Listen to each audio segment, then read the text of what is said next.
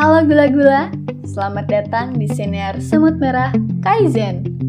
Siniar yang memuat segala hal tentang kepenulisan dan literasi. Bulan Februari ini akan dipenuhi dengan berbagai karya cerita dan opini dari para semut di Sun Fiksi. Selamat mendengarkan!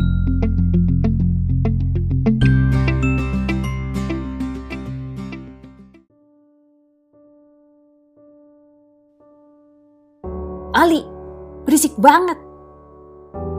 Suara yang tiba-tiba muncul itu membuat kakiku lemas seketika, dan tubuhku hampir luruh ke jalanan jika tidak ada lengan yang menangkapku. Aku sama sekali tidak mendengar Jesse membuka pintu depan atau suara kakinya yang berjalan mendekat.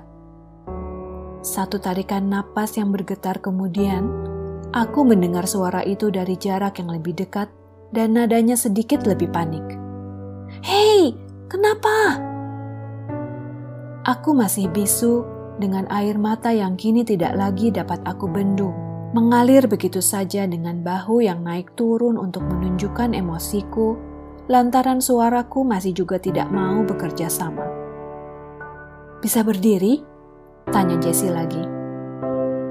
Dan aku kembali tidak memberikan jawaban Lima detik kemudian, Jesse meletakkan kedua telapak tangannya di pinggangku, dan tubuhku tidak lagi berada di atas aspal.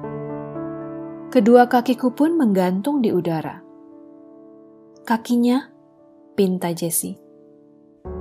Satu tangannya berada di bawah bokongku untuk memberikan sanggahan, dan tangan lainnya melingkarkan kakiku pada tubuh kokoh itu. Tanganku otomatis ikut bekerja sama seperti kaki, melingkar di leher cowok itu. Aku menerima bantuannya tanpa memberikan perlawanan akibat tenagaku yang menguap ke udara. Aku menempel erat seperti koala di pohon kepada Jesse yang berjalan memasuki rumah. Otakku berhenti berfungsi begitu tubuh kami menempel dengan hanya lembaran kain yang menjadi pemisah. Tubuhku yang dingin lambat laun menjadi lebih hangat. Aku tidak tahu sejak kapan tanganku tidak lagi gemetar hebat, atau kapan bokongku menempel di granit konter dapur, masih dengan kaki yang melingkar erat di pinggang cowok itu. Aku sama sekali tidak membiarkan tubuh kami menjauh. Jessie tidak terusik dengan lenganku yang melakukan death grip di lehernya.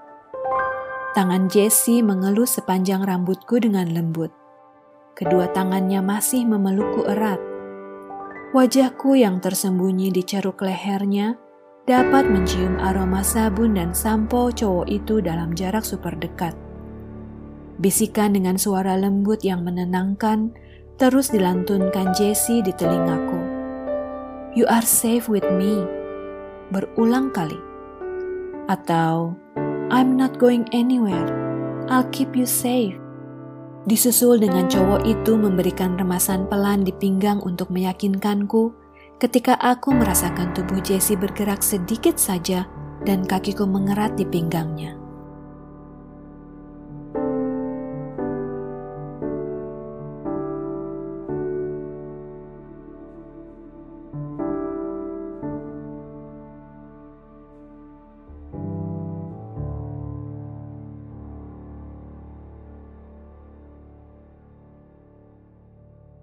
Demikian episode hari ini.